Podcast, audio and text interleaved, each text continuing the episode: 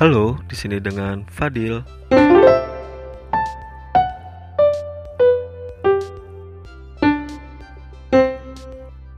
Assalamualaikum warahmatullahi wabarakatuh. Selamat pagi, siang, sore, atau malam.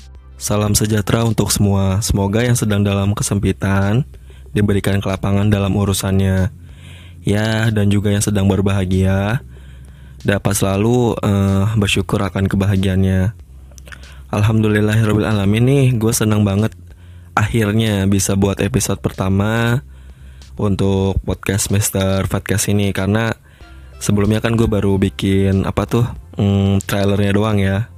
Karena mm, gue pikir tuh ya kalau untuk sesuatu tuh ya harus dipaksain kalau udah niat. Maksudnya kayak uh, niat untuk berkarya. Ya karena gimana ya kalau udah niat itu kayak lebih ke you must do it gitu. Sehingga uh, bagi gue apa yang ada di otak gue nggak cuman cuma sekedar imajinasi doang. Tapi paling nggak bisa menjadi hal yang terrealisasi. Ya meskipun gue nggak mm, sesaklek itulah. Anyway perkara terrealisasi mm, gue mau beropini dan bercerita mengenai peristiwa awal tahun 2020 yang sudah terrealisasi alias terjadi ya peristiwa apa saja kan yang dapat gue capture let's see ya untuk peristiwa yang pertama yang gue bisa ceritain ini mengenai banjir di awal tahun. banjir di awal tahun.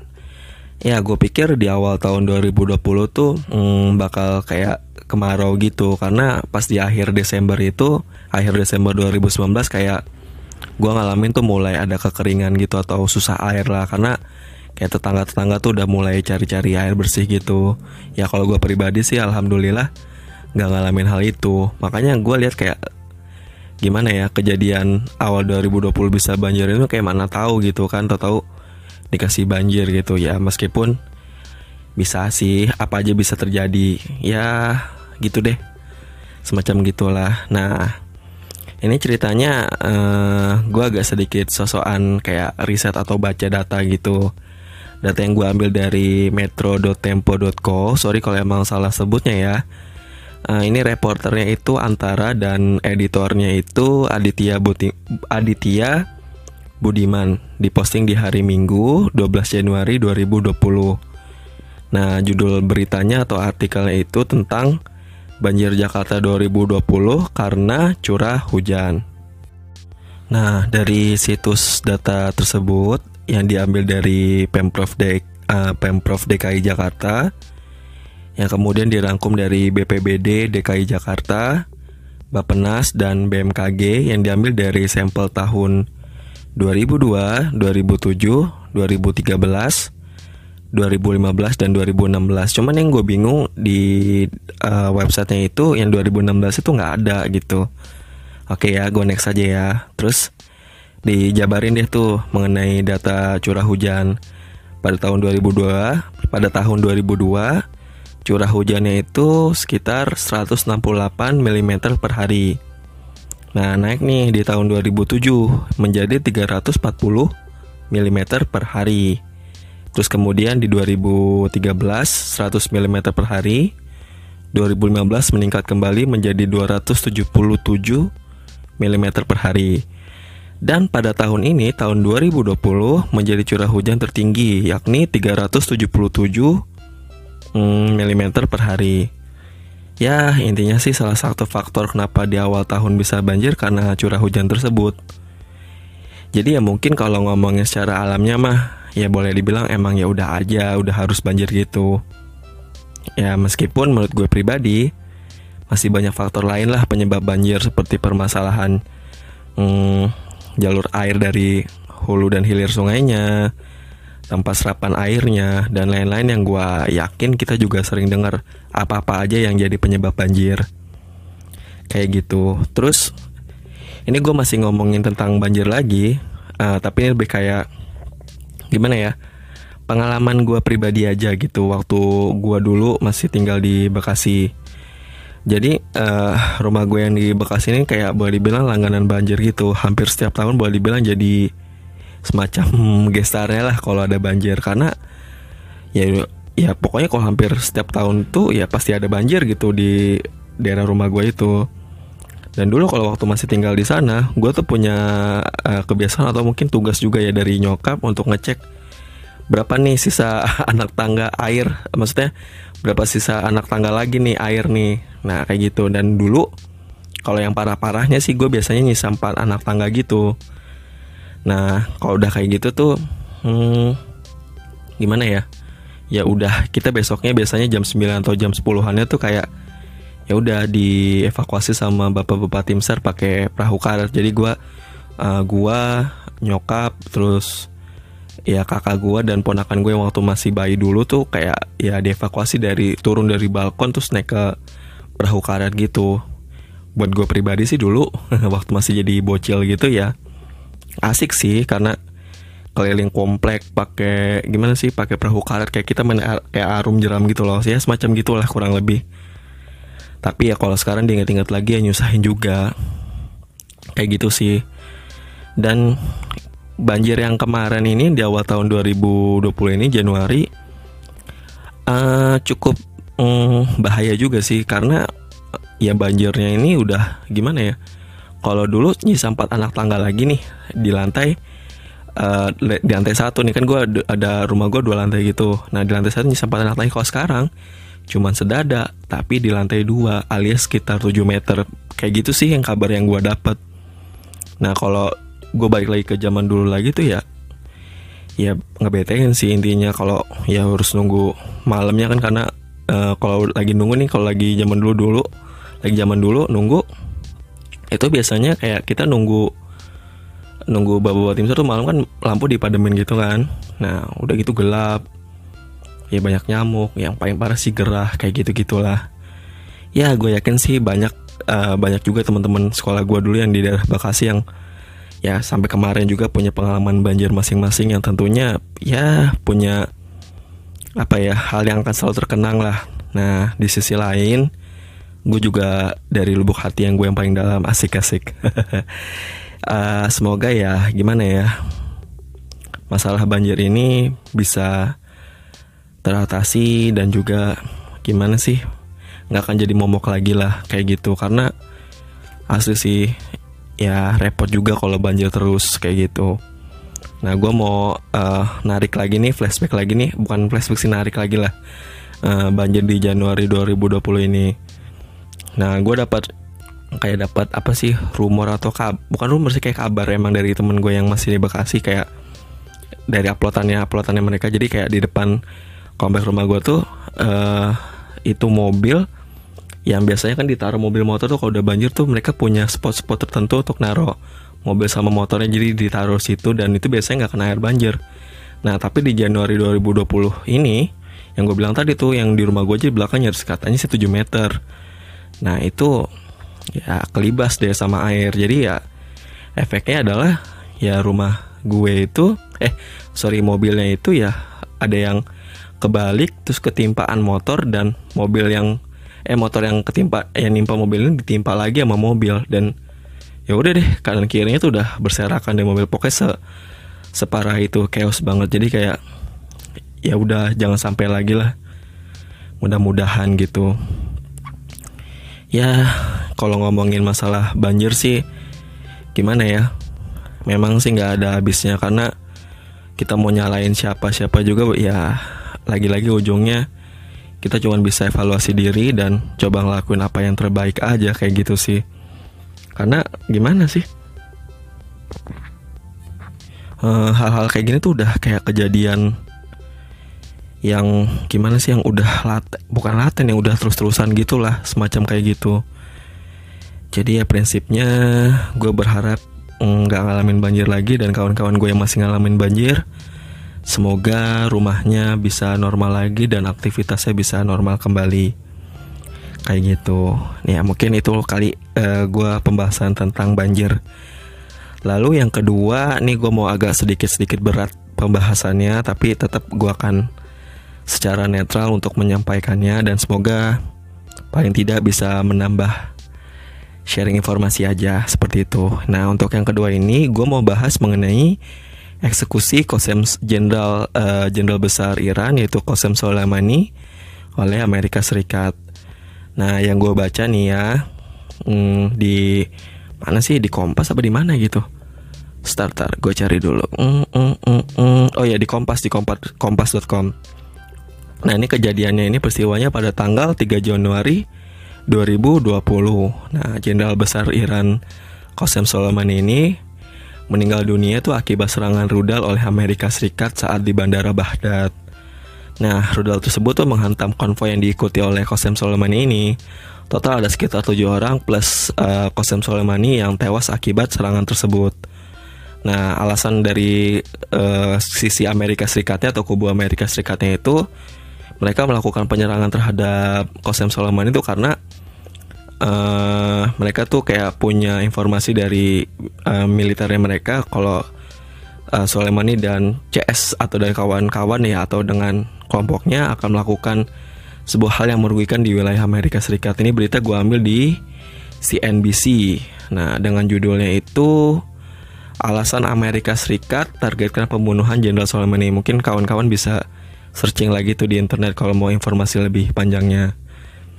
Nah, terus udah tuh kejadian kayak gitu tuh. Nah, si Amerika Serikat nih pemimpinnya, presidennya, uh, Mr. Presiden Donald Trump, dia bilang, notisnya dia bilang begini, kalau uh, gimana ya, uh, dia kami mengambil tindakan itu untuk menghentikan perang. Ya intinya sih itu kayak upaya defensifnya dari Trump atas aksi yang sudah dilakukannya tersebut. Nah, peristiwa tersebut tuh tentunya mm, menjadikan dinamika politik internasional ya, yang tentunya sangat fluktuatif, baik itu untuk hubungan antara Iran Amerika Serikat itu sendiri, ya atau juga mm, bagi dunia internasional ya, karena uh, apa ya tentu saja apa pun alasannya ya gue berharap uh, semua konflik itu bisa dilakukan secara diplomatik yang damai. Bisa menjadi solusi jitu juga yang akan selalu digunakan dalam setiap interaksi antar negara hmm, meskipun ya cukup apa sih istilahnya tuh? Kalau ah ya itulah gue lupa lah cukup. Hmm, gue masih penasaran sih. Ayo udahlah itulah pokoknya itulah. Pokoknya jadi interaksi uh, solusi untuk uh, setiap interaksi antar negara.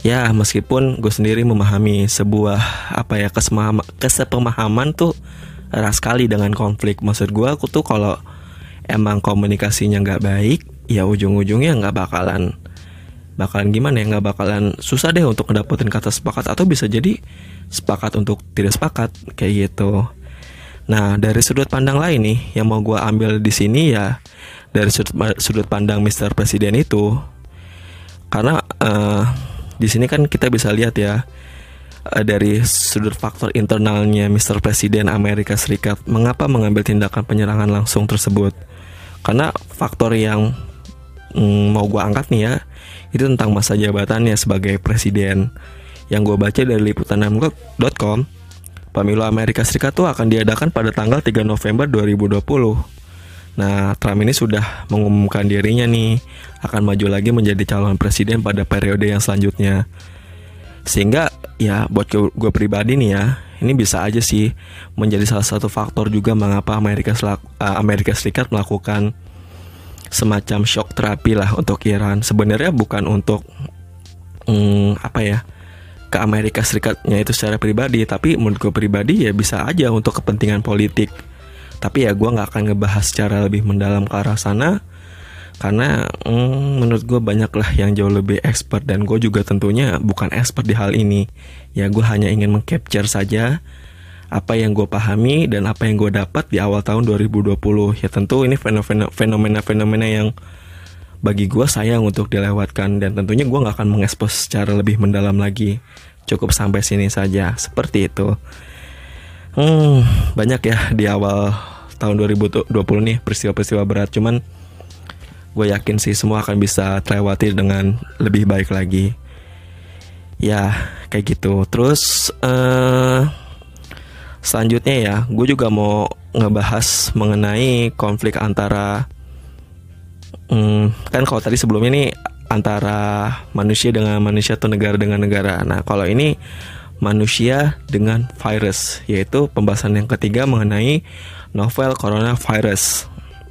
atau tuh singkatannya COV ya COV ya ya semacam itulah tolong di ya kalau kawan-kawan yang lebih jago lagi bisa ya dibenarkan lah kata-kata gue ini nah kayak uh, ini tuh udah jadi fenomena besar selanjutnya yang di awal tahun 2020 ini yang masih kita alami. Dan tentu saja menjadi sebuah hal yang penting sekali dan tidak bisa terlewatkan begitu saja. Lalu uh, gue sih pingin men-share dari apa yang gue dapat nih yang gue baca dari uh, apa sih WHO jadi apa sih itu uh, corona itu dan apa pengertiannya? Ya semacam itu. Ya yang gue baca dari WHO ini coronavirus atau coronavirus atau virus corona adalah suatu kelompok virus yang ditemukan pada hewan dan manusia.